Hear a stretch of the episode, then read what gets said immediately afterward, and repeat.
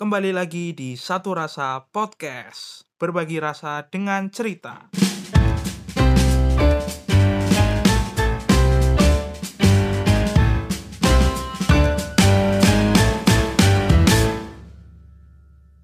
Oke teman-teman, sekarang kita masuk ke episode kedua dari Satu Rasa Podcast.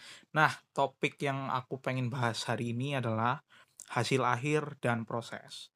Teman-teman pasti sering dengar ya, eh, orang-orang ada yang berorientasi pada prosesnya, ada yang berorientasi pada hasil akhirnya. Nah, nggak ada yang salah, orang tuh terserah mau berorientasi pada hasil atau proses, itu tergantung pribadi masing-masing. Nah, untuk membahas hal ini, aku tidak sendiri, sekarang aku bersama temanku namanya Mas Adit, nama lengkapnya Aditya Alam Perkasa. Aku pilih Mas Adit karena aku tahu sedikit banyak tentang ceritanya, yang dinamika kehidupannya naik turun, dan dari situ banyak pelajaran yang bisa kita ambil. Oke, jadi langsung aja kita mulai podcast ini bersama Mas Aditya Alam Perkasa. Halo Mas Adit, Halo, eh. apa kabar nih? Gila. Baik lah. Ya, so- Lu gimana? baik dong. Betul. Oke, teman-teman, di sini aku udah sama Mas Adit. Nama lengkapnya Aditya Alam Perkasa ya. Aku kenal Iya. Mas Adit waktu kerja di sebuah perusahaan media ya, terbesar se Asia Tenggara, betul nggak? Iya, iya, iya, bener. Betul ya? Betul. Ya, oke. Oke, Mas Adit. Ah, kan kita sering ngobrol nih tentang kehidupan dan segala macamnya. Tapi BTW suaramu masih Hmm. putus-putus nih. Ya udahlah, cobain aja dulu. Cobain aja dulu. Oke. Mm-mm. Ah, Gimana? Mas, ah, aku tuh kita kan sering ngobrol. Aku jadi Hmm. tahu sedikit banyak tentang dinamika kehidupannya Mas Adit. Nah, Ya. kayaknya lumayan naik turun gitu loh, Mas Adit ya nggak sih? Iya, iya. Iya, oke. Hal itu menurut Mas Adit, ini kan aku lagi pengen bahas tentang proses sama hasil akhir. Dari pengalamannya Mas Iya. Adit, gimana tuh Mas? Bisa diceritain nggak pengalaman hidupmu, terus dikaitkan dengan Mas Adit itu sebenarnya lebih memilih berproses apa atau hasil akhirnya yang bagus sih? Oh gitu. Mm-mm. Jadi, jadi gimana nih? Lu mau gua ceritain apa dulu? Ya itu dulu, menurut Mas Adit secara umum proses atau hasil akhir nih, kalau dari Mas Adit sendiri. Nah, ini kan pernah lu bahas juga nih di story lu kan. Mm-mm. Terus menurut gua hasil akhir adalah validasi dari lu berproses udah sampai mana gitu eh. Menurut gua. Maksudnya gimana tuh? Jadi misalnya gini. eh gue pengen di umur 40 misalnya. Gue pengen di umur 40 gue udah punya rumah, punya mobil. Mm-mm. Nah, hasil hasil yang udah lu lakuin misalnya gue sekarang 30 Mm-mm. di umur 30 nih udah apa sih proses yang gue lakuin adalah gue belajar ini ini ini ini gue pindah ke kantor ini ini ini ini terus Hmm. hasilnya apa kalau gue gitu gue mikirnya gitu jadi gue bakal nyampe nggak nih di 40 buat eh, hasil yang gue inginkan gitu menurut gue hasil itu step by step es kalau menurut gue ya Mm-mm. Oh gitu. Jadi hasil itu step by step. Nah, kan ada kata orang kan orang kan sering ngomong proses itu berat, nggak ada yang enak. Tapi kalau udah berproses pasti endingnya indah, pasti endingnya baik. Benar nggak sih Mas? Menurutmu? menurut kalau menurut gue sih baik eh, bisa dikatakan baik karena udah lewat sih kayak gue waktu dulu waktu dulu waktu kuliah benar-benar terbatas banget apa pun Mm-mm. gue mau buat tugas itu gue harus numpang ke rumah teman internetan yang Hmm. lain pada main gitar pada ngerokok gue di kamar temen gue tuh ngerjain tugas submit submit Mm-mm. numpang ngeprint buat Mm-mm. belajar buat belajar nanti uas gitu kayak gue ngakalin biar gue nggak usah ke warnet karena nggak punya duit banget dulu es gue Oh, nah ini menarik nih. Waktu itu kenapa sih Mas? Kok nggak punya duit? Mas, bukan kenapa nggak punya duit ya. Waktu itu coba ceritain deh. Mm. Waktu kuliah tuh gimana sih eh, susahnya Mas Adit kan? Mungkin Mas Adit selama Iya. hidup kan emang susah ya kita tahu. Cuman kan maksudnya, maksudnya susahnya gimana? Ini kalau dari zaman kuliah ya. jadi eh, ke rumah tangga keluarga besar gue itu Mm-mm. mulai drop tuh di di gue umur 16 tahun di tahun 16 tahun 2006 berarti SMA ya? 2000 SMA SMA kelas 2 tuh bener-bener jatuh banget tuh bokap gue Mhm. sakit nyokap gue nggak kerja sampai Mhm. akhirnya bokap gue tuh nggak kerja juga tahun setelah Oke. sakit itu Mm-mm. kantornya nggak nggak sanggup lah nyari orang baru lah intinya gitu ya Mm-mm. nah jadi gue bisa kuliah aja tuh udah syukur banget sama sekali nggak terbersit tuh waktu itu gitu sampai nyokap gue mutusin buat pindah kita pindah ke, ke rumah yang lebih kecil yang kemarin gue renov tuh Iya. itu itu gue pindah ke situ akhirnya waktu tahun 2008 awal gue masuk kuliah tuh nah Oh, duitnya buat gitu. bayar kuliah duitnya buat bayar kuliah tuh waktu itu Oh, Gitu, Oke. nah. waktu gue kuliah tuh bokap gue udah nggak kerja bokap gue nggak kerja terus eh, sakit jadi harus ke dokter harus segala macem lah nah duit tuh ke situ semua kita kasihnya terus Mhm. ya jadi mau nggak mau kan yang namanya kuliah kan lu tahu kan tugas banyak terus belum lu buat main sama teman-teman lu nah gue tuh nggak bisa dulu es Oh gitu ya. Mm-mm, makanya gue bilang ketika teman-teman gue main gue nyari nyari tugas di kamarnya temen gue numpang Gitu. Nah. Hmm. itu tuh pahit banget ngejalanin tapi waktu udah lewat yang tadi lu ini kaitannya sama yang lu tanya ya Mm-mm. ketika udah lewat proses itu ya jadi kenang-kenangan aja sih menurut gue gitu Tapi apakah apa kesulitan-kesulitan yang Mas hadapi waktu kuliah itu Hmm. sangat mempengaruhi Mas Adit hari ini dari cara berpikir lah atau apalah gitu atau gimana? kalau menurut gue harusnya sih iya ya karena gue pasti mikir mikir taktis gitu lebih lebih bisa mikir karena gue kebawanya tuh gue ngerasa nggak punya waktu kalau buat Iya. gue pribadi nih ini penilaian gue ya. Mm-mm. karena kebiasaan. Jadi ketika yang lain main tuh gue harus kerja harus ini harus ini gitu. Gue kebawanya gitu dari dulu. Oh gitu ya. Jadi memang itu yang membuat Mas Adit, maksudnya masa lalumu, proses-proses itu tuh bisa membuat Mas Adit jadi kayak sekarang gitu kan? ya menurut gue itu ya. Positifnya itu sih. Waktu itu Mas Adit ini nggak sih eh, sambil kerja sampingan juga nggak sih buat tambah-tambah kuliah, uang kuliah? oh gue dulu kuliah pernah ngajar gitar gue singkat gue Oh iya ngajar doang. gitar. udah cuma Itu- itu doang Penghasilannya cukup buat apa Mas? itu dulu sekali ketemu lima puluh ribu aja Oh iya itu bisa ngasilin berapa? Sekali gue sebulan bisa dua kali Oh berarti seratus ribu. Iya. Seratus ribu, lumayan bisa dapat dua botol tuh. dua botol kecap masih kembali, ya nggak? iya iya terus terus gini Aduh, goblok aduh, goblok kuat. Aduh, hati-hati banget nih. Nah, terus Mas Adit, waktu kuliah, waktu itu Mas Hmm. Adit kuliah di mana sih? Depok Di mana? Gunadarma Depok Gunadarma Depok. Nah, mungkin buat teman-teman yang baru denger ya kampus Gunadarma, harusnya sih udah pada denger kan ini kampus apa? Kampus yang terkenal. Itu mahal nggak sih Mas waktu itu hitungannya? zaman gue itu karena waktu itu nyokap gue sekalian jual rumah kan jadi gue Mhm. ngambil paket yang ini es yang 6 semester di muka Yang berapa? gue 6 semester Berapa tuh semester? 6, eh, 6, 6 semester itu 30 juta gue Oh, bayar di muka ya. iya sampai semester 6 doang tuh Terus semester 7 sampai 8 Mas Adit berapa semester sih kuliah? 14 ya? 8 dong sus 14 bener dong Terus semester 7 sama 8-nya dari mana uang? Setuju bokap gue jual drum drum gue dulu semester 8 tuh karena udah tinggal dikit kayaknya minjem-minjem saudara deh Oh, Ingat gitu. gue ya. Hmm, luar biasa ya. Berarti memang perjuangannya ini banget ya keluarganya Mas Adit. Itu namanya orang Hmm, tua ya, Mas. tuh. Ngelakuin apa aja Hmm. ya. iya Namanya orang tua tuh ngelakuin apa aja Iya, ya. iya. benar-benar Iya. Mungkin teman-teman yang denger itu apa ya?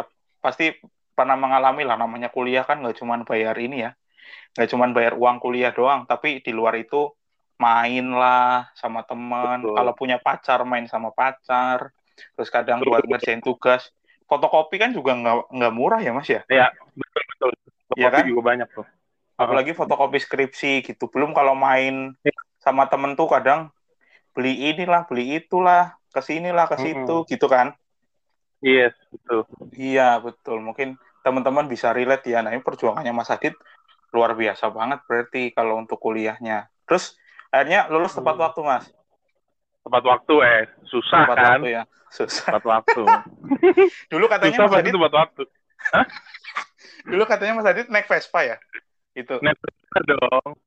Itu Vespanya sekarang di mana Mas? Udah gue jual itu. Udah nggak gerak. Oke. Oke Mas Adit. Eh, itu kan dari ceritanya ini ya Mas Adit kuliah. Terus aku kan juga tahu ceritanya. Mas Adit tuh akhirnya membantu adiknya kuliah ya. Betul. Nah, itu gimana, Mas? Ceritain Ya. dong. Eh, setelah gue lulus 2012, pas banget nih si adik gue ini masuk kuliah. Kampusnya Hmm. sama sama gue. Oh ya, oke. Nah cuman, kalau dulu gue 30 juta buat 6 semester, adik gue ini 8 juta satu semester.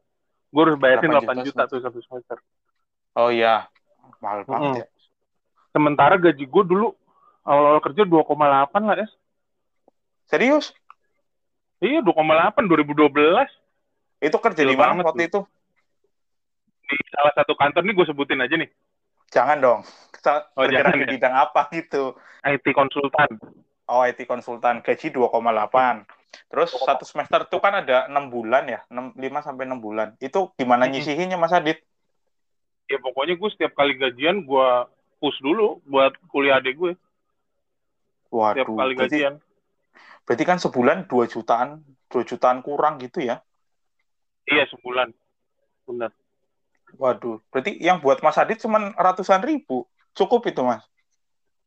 Ya dicukup-cukupin karena karena udah biasa susah ya, es. Mm-mm. Ya punya duit sendiri tuh lebih gampang. Makannya berapa kali sehari? Makan gue di rumah pagi, Heeh. siang beli di kantor nyari yang murah-murah. Dulu tuh gue makan sepuluh ribu, udah enak banget. Udah bisa dapat ayam, sayur gitu 2012.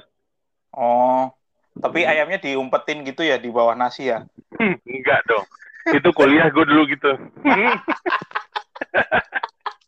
enggak dong, es. Oh, enggak ya? Enggak. Oke, berarti berarti kan makan cuma sepuluh ribu sehari, ya kan? Ya, taruh Terus waktu kerja berarti juga nggak main-main juga, Mas? Wah kalau itu gue bener-bener sibuk banget tuh waktu kerja itu. Gue bisa Hmm. Sabtu Minggu masuk itu es. Ada anak baru kan? Nggak ada. Waduh, Gila kan? Gila. Mantep banget deh pokoknya. Mantap. Gila deh pokoknya. Waktu itu kenapa pengen kenapa mau Mas masuk Sabtu Minggu? Ya tuntutan, tuntutan kerjaan. Oh, kayak gitu. Mm-mm. Oke. Sekarang eh, apa? Adiknya udah selesai kuliah ya berarti? Si Danar. Udah, udah. Oke. Ya, buat teman-teman tahu ya, berarti Mas Adit ini anak pertama, dia punya satu adik. Dia itu adiknya eh, apa? dibiayain kuliah sama Mas Adit. Jadi bisa didengar sendiri tadi ceritanya dengan uang segitu bisa bayar 8 juta per semester ya. Iya. Iya. Nah, terus buat pacaran gimana, Mas? Ya pacaran bini gue deh tuh yang ngurusin. Bagus juga nih pertanyaan lu Es. Enggak beneran. Berarti buat loh, waktu Nah. itu kan Mas Mas Adit kerja di mana kantornya? Kantor dekat rumah dulu di Buncit. Buncit, ya kan? Hmm. Nah, terus eh, waktu itu pacar di mana? Di Depok. Serengseng, Depok. Serengseng kan. Itu kalau ketemu gimana? Mas Adit ngapelnya berapa kali seminggu? Oh, gue Sabtu ke situ. Oh, Sabtu ya karena kalau kalau kerja karena ya itu tadi gue bilang kadang-kadang doang gue es bisanya karena sabtu minggu kadang gue masuk Oh gitu ya. Mm-mm. Hmm. Tapi apa eh, pacarnya waktu itu mengerti ya keadaannya. Iya lah, iya gila. Ngerti Oh, banget pacarnya sampai sampai mau dinikahin gimana kurang ngerti ya nggak?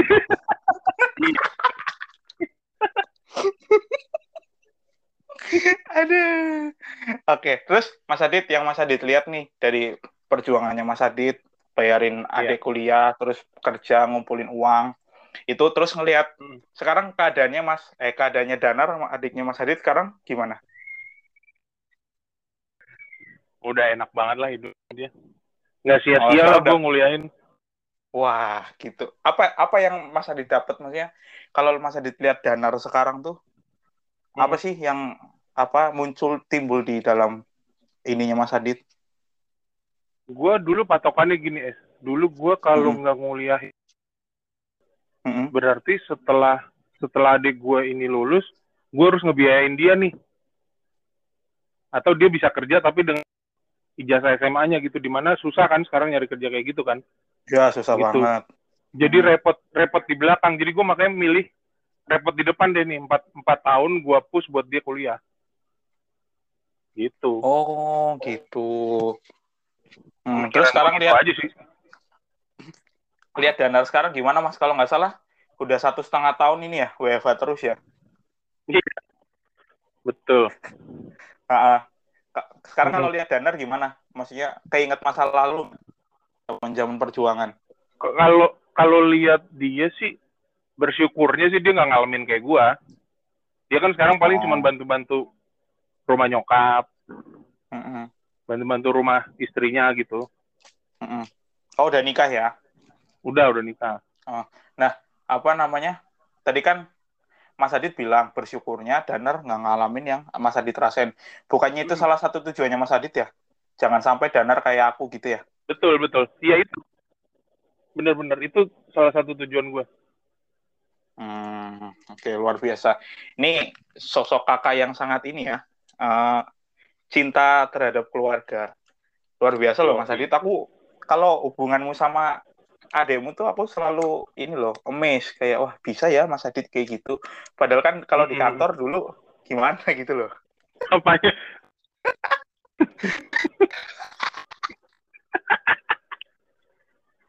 Ada.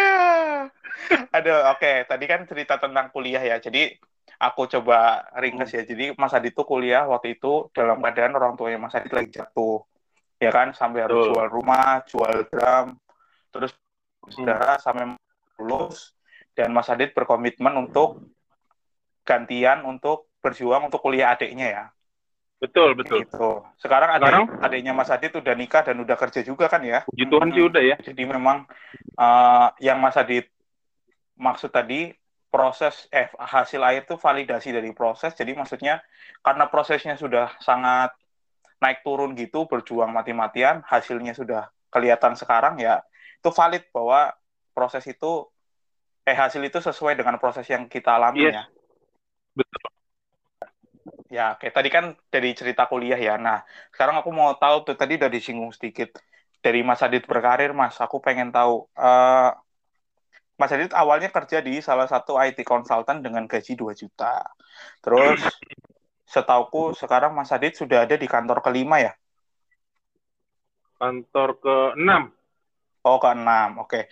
Bisa diceritain Mas naik turun karirnya Mas Adit berjuang. Sekarang Mas Adit posisinya apa? Ah, maksudnya spesialis atau apa?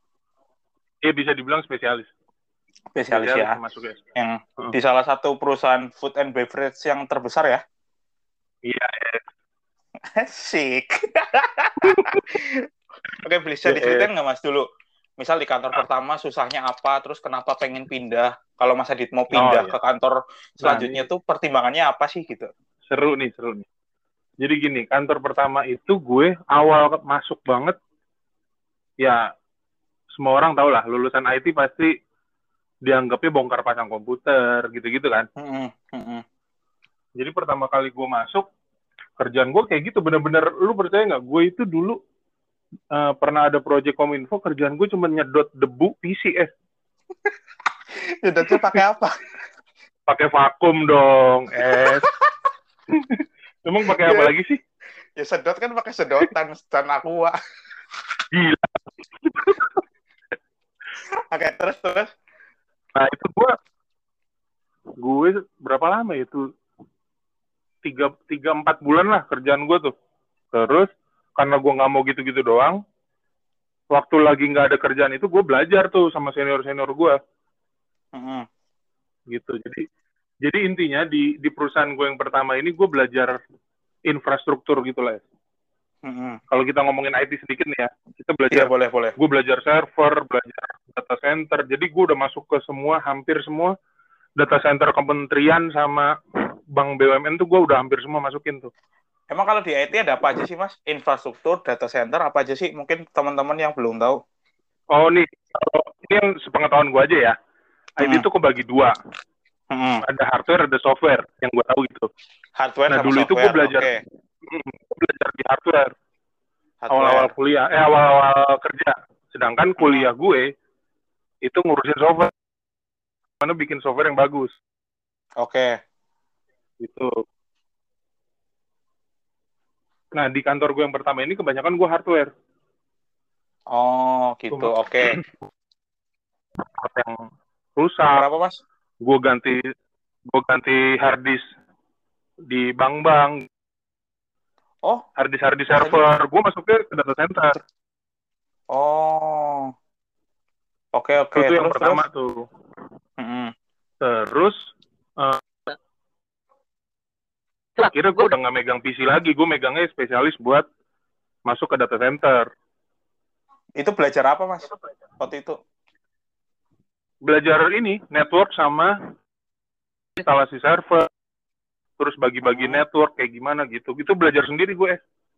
Oh iya. Karena Pakai di rumah buku nggak ya? ada internet, kan susah, kan susah, masih susah tuh, masih perjuangan kan gue. Oh, Jadi setiap kali susah, gue ya. nyampe kantor, gue download Hmm. YouTube Download YouTube. yang buat oke. gue pelajarin di rumah. Mm-mm. Kalau lu pernah denger dulu ada ss.youtube tuh. Gua dulu Oh iya tahu. itu. Masih masih Setiap sekarang. sampai kantor, gue download itu buat belajar. Kan di rumah gue pelajarin gitu. Itu bener-bener pulang kantor Mas Adit belajar video itu doang. Iya. Ada belajar Ya, video lain nggak? ada. Video lain ada, mungkin. Cuman gue suka lupa video apa ya. Maksudnya band apa gitu loh, Es. Lu Iya. mana sih ketawa-ketawanya? Iya. Band video band kan. Iya. Ya oke. Oke, terus waktu itu belajar kan? Belajar. Ya, Nah, terus waktu itu pengen pindah kenapa, Mas? pengen pindah gaji, pasti gaji kan. Itu gue Hmm. terakhir kali tuh yang tadi lo udah denger 2,8, Gue cabut itu, gue udah di empat setengah tuh. Lumayan kan Wih, naiknya. Tinggi Mm-mm. banget. Itu tahun berapa, Iya Mas? naiknya lumayan. Kalau kalau yang gue tahu emang kalau lu di dunia IT gitu cepat banget ya naiknya. Oh. Itu tahun berapa? 2014 awal. UMR-nya berapa waktu itu? Gue lupa ya UMR berapa ya 2014 tuh.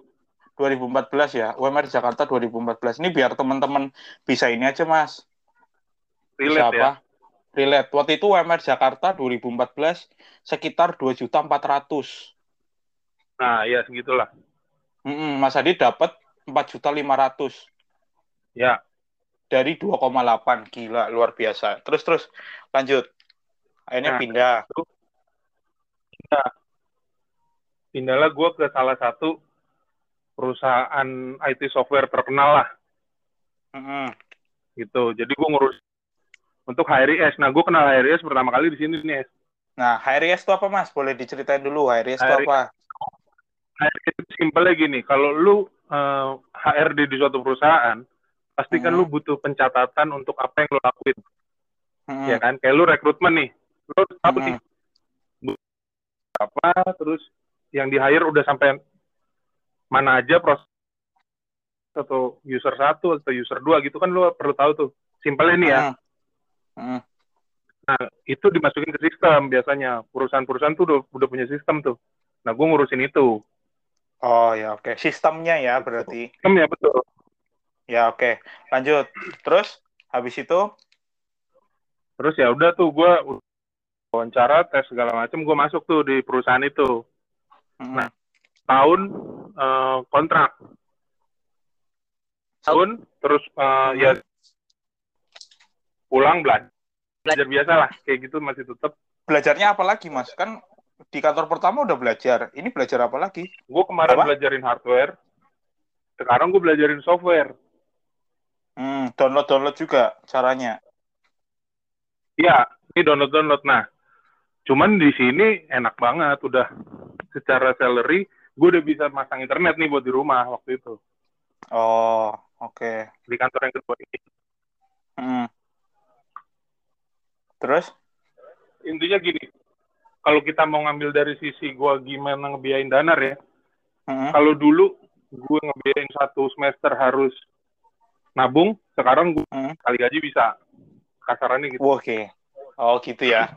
Ya, jadi jadi lumayan kan tuh, kehidupan udah mulai naik lah. Hmm. Nah, cuman problemnya di sini itu by project, es.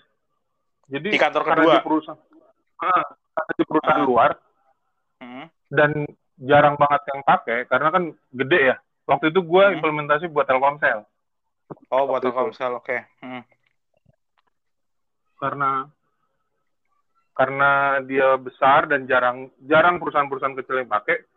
Jadi dia bisa gini nih, misalnya gue kontrak sampai Februari tahun tahun depan gitu. Nanti dari Hmm. Februari gue bisa kosong, ada lagi September. Nah, selama Jauh kosong banget, itu berarti kan? nggak dapat penghasilan. Nanti dia kontrak Oh. by project. Oh, nggak dapat ya. Ngeri banget Oke. kan. Hmm. Nah, akhirnya dari situ tuh gue resign tuh. Gue gue udahlah saya nggak perpanjang lagi gitu. Gue bilang gitu. Hmm. Gue mau cari yang tetap. Mulailah gue nyari yang kaitannya udah lu gue mau ke sistem ESR udah titik. Sama kayak Oh. waktu yang dulu gue kuliah Hmm. gitu. Jadi emang menentukan jalan karirnya Mas Adit jadi HRIS tuh semenjak masuk di kantor kedua ya. Betul. Dari situ. Oke. Oke, tar sebelum lanjut. Kenapa akhirnya Mas Adit menentukan wah, udah nih gue HRIS nih gitu. Mm-mm. Jadi kalau lu tadi inget gue bilang waktu kuliah kan lu eh, belajar IT itu ada dua hal, ada hardware dan software ya. Hmm. Nah jurusan gue itu harusnya memang cuma ngurusin software. Hmm. Karena gue SI nih, gue bukan teknik komputer atau teknik informatika. S itu Gue sistem informatika ya. Iya. Oke, Nah terus menurut gue waktu itu gue masih idealis banget lah, baru baru umur 25, baru lulus, pengalaman Hmm. baru setahun dua tahun, masih idealis. Oh gue mau Hmm. kuliah gue, gue nggak mau yang lain. Hmm. Gitu, dulu tuh masih idealis gitu. Hmm. Ya akhirnya gue, udahlah, gue he- udah pernah punya pengalaman kan, Hmm. gitu. Oh, tapi Mas Adit ini memang suka atau karena memang ya menurut Mas Adit ini skillnya Mas Adit cocoknya di situ atau memang Kalau- karena suka gitu loh? HR sistem sistemnya gue suka karena kan eh, apa yang gue pelajarin di kuliah kepake nih. Hmm. Tapi kalau HRD-nya ya karena memang udah ada pengalaman setahun di HRD, kenapa nggak dilanjutin? Gitu Oh, aja sih. gitu ya. Oke, itu Mas Adit masuk kantor kedua, terus habis itu Terus gue ngelamar-ngelamar sebagai HRD tuh es. oh, ini Karena cabut tadi gara-gara kan? ini ya. Gara-gara cari karyawan tetap ya. Nggak mau project-project Iya, ya. pertama karyawan tetap, Oke. pengalaman di HRIS. Oke, ah, terus Pokoknya terus. du- dua poin itu gue pegang banget. Gue mau Hmm. kerja selanjutnya harus kayak gini, gue nggak mau yang lain karena takut buang-buang waktu kan. Ya, terus. Gitu. Setelah itu, gue pindah ke, pokoknya singkat cerita ya, singkat cerita tuh gue Hmm, singkat cerita. masuk di eh, MT-nya Bang Artegraha. Ya, gue Hmm, sebut wah, lagi namanya. Disebut. Ntar Ya. ya. Aduh, ya Allah. Lanjut nggak apa-apa. Terus masuk MT Ya. itu. MT tuh gue belajar kurang lebih enam bulan gue di Ancol tuh tiap hari gue dari pasar minggu ke Ancol tuh naik motor. Ngapain? Di Ancol tuh ngapain, Mas? Mangkal ya? Kamu menurut lu ngapain sih ya? Enggak. Dia itu nggak siapa tahu ini main wahana ini gelanggang samudra. Lanjut aja mas, lanjut terus. Nah, ya. Udah, Mm-mm. lulus dari situ, penentuan waktu di di bulan ke-6 itu kan harus bikin skripsi kecil kan. Apa yang lu pelajarin, Mm-mm. semuanya dikeluarin. Nah, gue milih buat di eh, SDM dulu. Mereka nyebutnya SDM. Divisi SDM. Oke. Ya, akhirnya gue eh, skripsi akhirnya itu, gue ujiannya itu. Mm. Nah, lulus dari situ gue penempatan di SDM, megang RIS akhirnya. Hmm, Oke. RIS Itu kan- penempatan Itu kantor ketiga apa keempat mas? ke tiga berarti. Empat ya? Tiga dong. Oh tiga. Oke oke oke. Mm-mm. Kantor Terus? ketiga tuh gue. Heeh. Tuh gue di situ lumayan lama tuh. Ya kerjaannya kayak di inilah, kayak di kantor yang kita bersama itu lah. Ah ya. Kurang Oke. lebih kayak gitu. Oke. Cuman bedanya dulu gue megangnya berempat. Nggak gila Oh. kayak kantor kita bersama.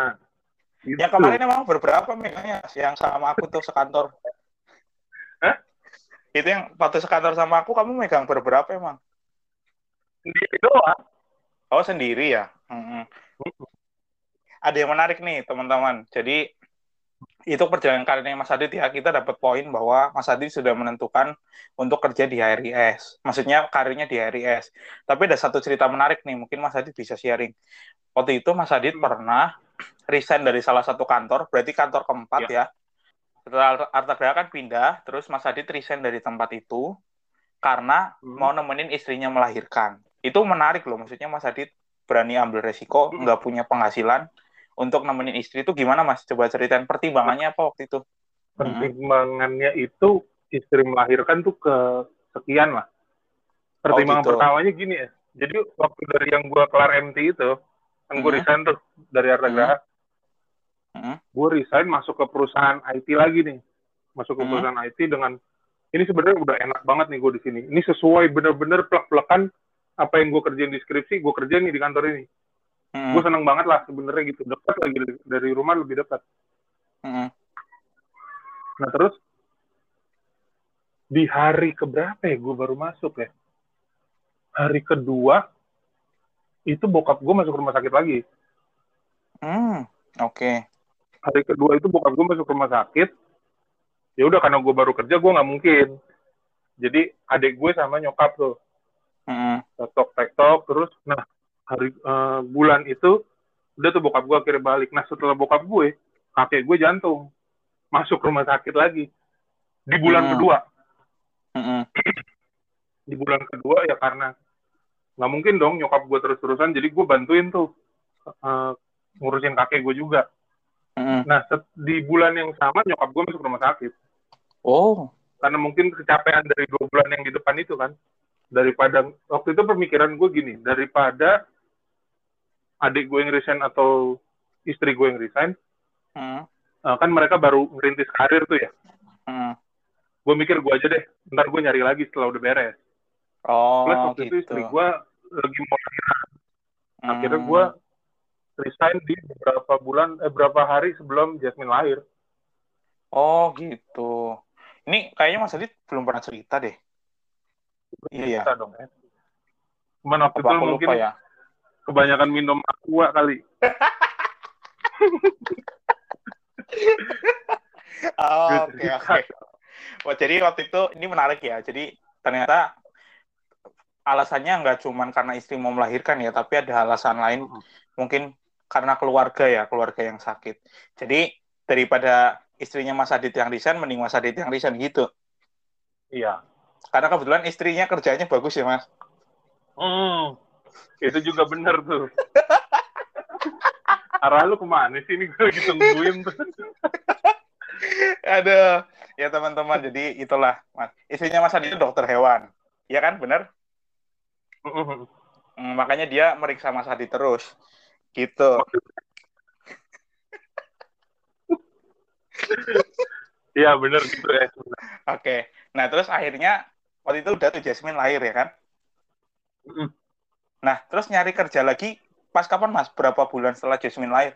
nggak lama dari situ tuh sekitar Yasmin itu kan September tanggal 19 di di 20 apa 25 September itu gue dihubungin sama kantor kita tercinta itu ya. Aku boleh tahu nggak mas, waktu zaman kamu jobless, terus nyari kerja, Hmm. kamu waktu itu diproses di berapa perusahaan mas? Termasuk kantor kita itu. Yang paling pertama itu kantor kita tuh, paling Hmm. pertama. Mm-mm. Nah, dari kantor kita sampai gue join itu ada jeda dua bulan tuh, Es. Nah, selama dua bulan itu gue bisa dibilang setiap minggu itu pasti ada proses ke, ka- ke kantor orang. Hmm, gitu. Sampai akhirnya di bulan yang di bulan kedua. Ya, jadi kan gue tiga bulan jobless tuh. Mm-mm. Di bulan ketiga, sebelum gue masuk kantor kita itu, Mm-mm. itu proses sudah di ujung semua ya, sudah tinggal offering. Oh, tinggal keluar doang ya, udah di ujung. Ujung apa sih ya? Keluar hasilnya, udah di ujung kan, Iya, tinggal bener. keluar hasil. tinggal keluar hasilnya doang. Terus, terus, terus. Ya udah di situ gue masih mikir nih aduh mau ngambil yang mana ya Mm-mm. sementara di kantor kita bersama itu Mm-mm. Secara salary gue downgrade paling kecil di antara yang over overin gue Berapa, berapa? Tiga ya? Sama kantor kita itu. apa itu Yang offering kamu. yang yang udah tahap sampai offering banget tiga cuman yang udah sampai level HR director mungkin lima kali ya Oh ya oke. Katakanlah tiga. Dari tiga itu, dari tiga Eh, ini paling paling, bawah nih kantor kita kantor kita Oh. tercinta ini paling bawah secara salary ya. Oke, terus. tapi secara nama wuih gila Oh, gila banget ya Oke. Terus, terus. Akhirnya, ya udah akhirnya gue ngobrol sama istri gimana nih ini lebih kecil tapi namanya bagus banget Mm-mm. namanya bagus aplikasinya juga bagus yang dipakai Mm-mm. Oracle ya yang masuk yang dimaksud Mas Adit ya. Mm-mm. Ya oke. Terus lanjut. Akhirnya. akhirnya gue mutusin buat masuk ke situ terus akhirnya Desember 2019 gue join lah Hmm. di kantor Oke, kita kayak gitu. Oke, eh, sebentar sebelum ya, jadi memang Mas Adi itu sempat jobless, terus eh, apa namanya? Akhirnya dapat kerja lagi. Joblessnya tiga bulan ya, Mas? iya tiga bulan tiga bulan Iya, tiga bulan. Oke. Nah, terus eh, dari tiga bulan itu kan mungkin teman-teman apa namanya? eh, tadi dengar sendiri ya ceritanya kalau Mas Adi itu di offer di banyak perusahaan. Mungkin itu karena pengalamannya Mas Adi juga ya, Mas ya. Udah di empat perusahaan sebelumnya ya. iya betul Betul. Oke. Nah, lanjut ceritanya. Jadi pas masih masuk situ tuh aku udah di situ duluan. Jadi emang udah aku lebih senior ya. Kalau di sana ya. Iya. Iya, cuman waktu itu kita beda unit. Tapi Iya. apa namanya? eh, ini teman-teman biar apa? Aku juga sharing juga ya, nggak cuman Mas Adit. Jadi waktu Mas Adit masuk, terus eh, aku kenal Mas Adit sama satu lagi namanya Mas Jojo. Nanti suatu saat kita akan ajak podcast oh bareng boleh boleh itu tuh apa namanya eh, banyak banget pelajaran hidup yang aku dapat gitu di di luar eh, mungkin cerita-cerita apa kenakalan mereka di zaman dulu dan oh, kenakalan mereka juga. jangan mereka dong kita dong. Oh ya kenakalan kita bener. Di luar kenakalan kita cerita-ceritanya. Tapi banyak banget hal-hal positif yang aku dapat dari Mas Adit dan Mas Jojo gitu. Ya enggak iya benar Ya benar. Oke gitu. Jadi eh, apa namanya? Memang ada maksud Tuhan lah mempertemukan aku Mas Adi dan Mas Jojo. Mungkin kalau nggak ketemu kalian berdua, aku nggak bisa sampai sekarang belum ini sih memikirkan sebagai cowok tuh kamu harus berpikir bagaimana untuk masa depan gitu-gitu sih. Loh serius?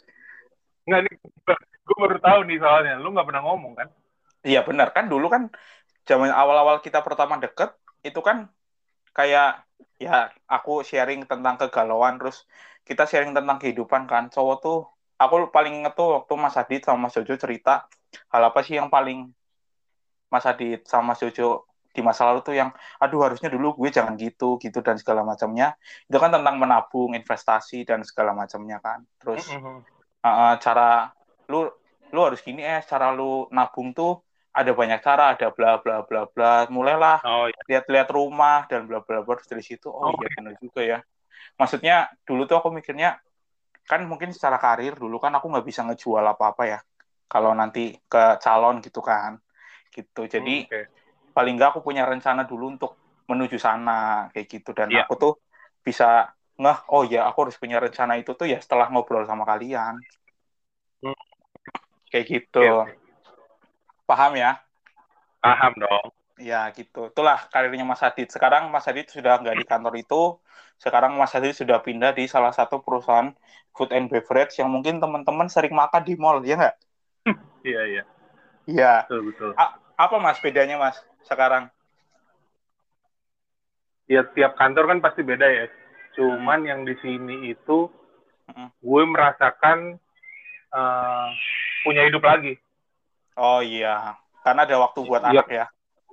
Iya, itu yang paling besar sih. Mm-mm. Karena waktu di kantor kita itu kan mungkin karena sibuk banget, karena kantor besar kan. gitu. Oke. Ya itulah teman-teman ya perjalanan karirnya Mas Adit. Jadi benar-benar dari gaji 2,8 biayain kuliah, adiknya selesai kuliah, habis itu masih harus nabung buat nikah juga kan Mas? Iya. Ya, apa nikah dibayarin terus semua ya sama Enggak. istri enggak ya? Enggak sepenuhnya maksudnya. Bangke emangnya. Gitu lah. Jadi kali-kalikunya gitu. Nah, Mas, kalau kita Hmm. kaitkan dengan proses dan hasil, apa Mas? Proses terberatnya waktu itu di apa? Fase terberatmu tuh di, di masa yang kapan tuh dari ceritamu itu? Kalau kalau ngomongin berat, paling berat gue di SMA. Setelah gue SMA itu semuanya jadi enteng banget karena gue udah pernah yang paling Oh. berat nih. Gue dulu sampai gini loh. Gue dari ini nggak ada maksud apa apa ya. Gue dulu SMP itu nyokap gue ngebiayain dua orang temen gue. Oh, Di sekolah gitu gua. ya. Jadi kayak orang tua asuh gitu ya. Mm-mm.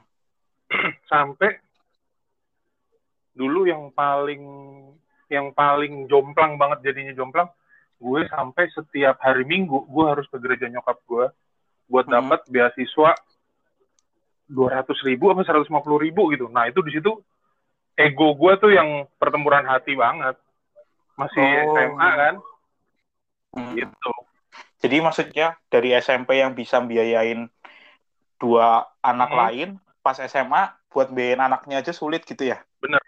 segitu Oh. kebaliknya dunianya ya Oh gitu ya. Jadi mungkin oh ini mungkin apa namanya Mas Adit Hmm. perspektif baru ya buat aku mungkin buat teman-teman juga kalau ternyata kalau kita sudah mengalami yang lebih berat untuk ke depannya tuh udah enteng kerasa lebih enteng karena sebelumnya kita ngerasain yang berat banget gitu ya. betul betul Mm-mm. Benar oh gitu ya. Jadi uh, kisahnya Mas Adit kayak gitu. Tapi ternyata proses eh hasil akhirnya sekarang gimana Mas? Maksudnya apakah itu sesuai dengan perjuangannya Mas Adit? Apa menurut Mas Adit sekarang Mas Adit masih berproses? Nanti masih akan punya impian-impian dalam karir gitu?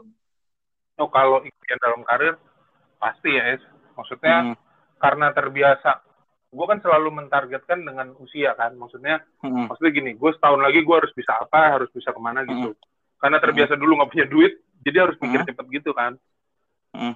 nah eh, kalau ngomongin kayak gitu gue pasti masih ada Oh gitu. Berdasarkan Gitu. usia ya. Mm.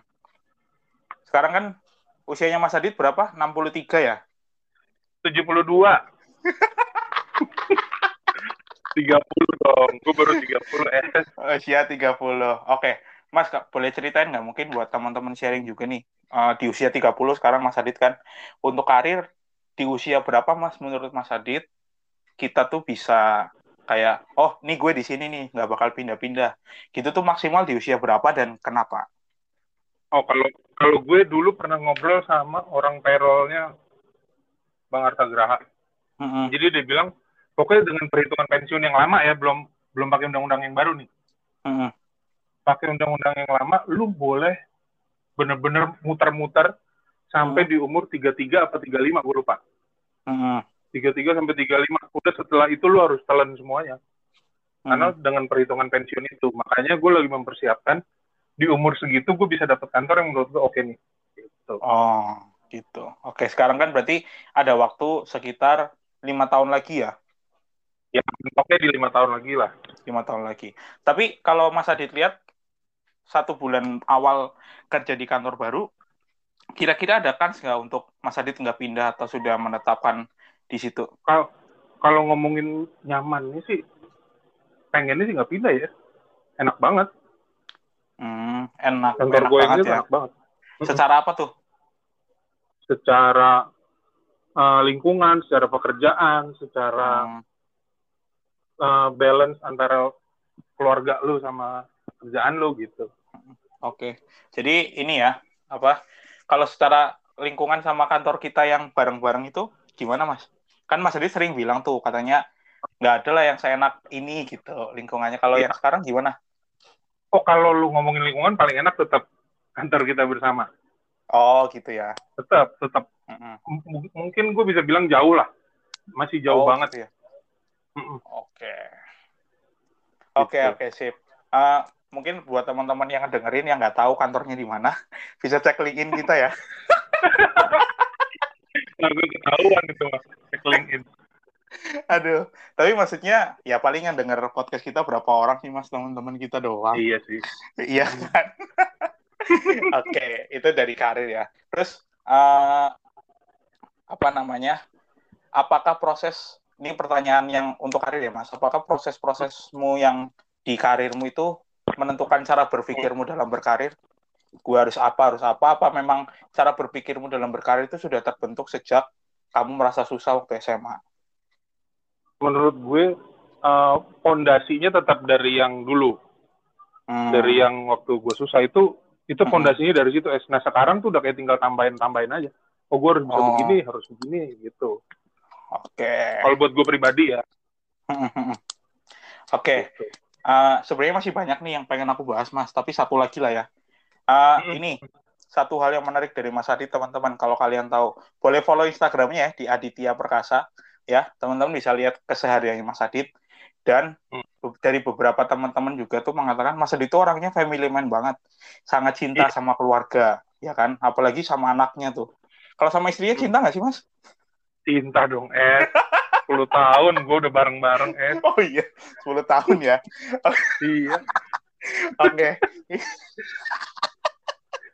Oke oke. Ini Mas Adit tuh apa ya?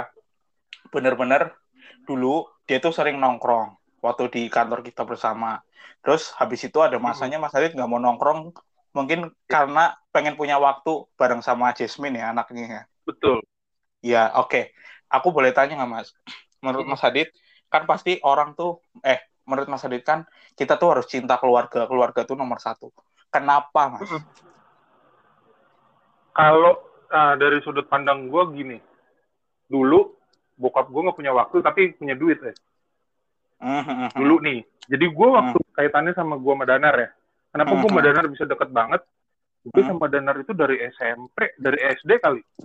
Gue masakin buat dia karena kita cuma berdua nih di rumah. Bener-bener Mhm. tektokan terus berdua. Bareng-bareng gitu. karena bokap nyokap gue ketika pulang udah tidur pulangnya udah malam Mhm. terus Sabtu Minggu nyokap gue sibuk pelayanan bokap gue kadang masih masuk ke proyek Mhm. gitu nah ketika duitnya udah nggak ada gue Hmm. jadi nggak punya apa-apa tau nggak lo Iya. gitu gue gue ngerasa gitu nah makanya sekarang ketika sama gue harus bisa ngasih dia lahir dan batin kasarannya gitu Oh, gitu ya. Jadi pada prinsipnya hampir sama Mas Adit ke adeknya Mas Adit ya. Maksudnya jangan sampai Jasmine ngalamin apa yang Mas Adit alamin dulu ya. Oke. Mas, aku mau nanya nih. Ya. Jelas nggak suaraku? Jelas kan? jelas jelas Ya. Nah, dari tadi prosesnya Mas Adit yang liku-liku itu kan, dan Mas Adit tadi sempat mention ya, udah 10 tahun sama istrinya. Nah, peran dia tuh apa Mas? Maksudnya yang bikin Mas Adit ma- masih bertahan dan yakin. Peran dia waktu Mas Adit naik turun tuh gimana Mas? Peran pentingnya gitu sampai mungkin memberikan kekuatan atau memberikan apa ya?